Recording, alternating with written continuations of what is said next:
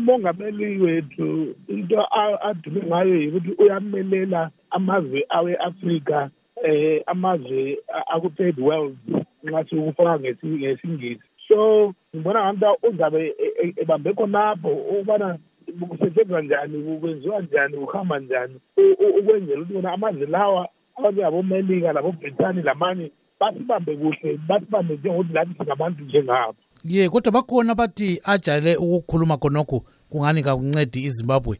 Wena ukubona njani? Umongameli into ayikhulumayo yinto eloncedo kakhulu ngoba ukhuluma ngezinto eziqabhele kakhulu ezisihlukuluzayo ngapha. Into ezifana lazingalezo zokuthi yona imelika isifake kuma-sanction ukuthi sifakelani udunguswele khathesi ngikhuluma nje umnyaka lo bafake amakhampani ethu alungisa ama-fertilizer kuma-sanction ukuthi bakwenzelani khonokho udunguswele ngakho-ke mina mbona nto yinto eqakathekileyo kakhulu ukuthi bakuthethe kuma bakuthethanga ngokunye kodwa okuqakathekileyo ukuthi kumele akukhulume njalo uyabe kukhulumile. Ye kodwa bakhona sibili abaningi abathi ababoni ukuthi angaze kukhulume khonokhu kungabe kunceda izimbabwe. Wena ungakubeka uthini khonapho?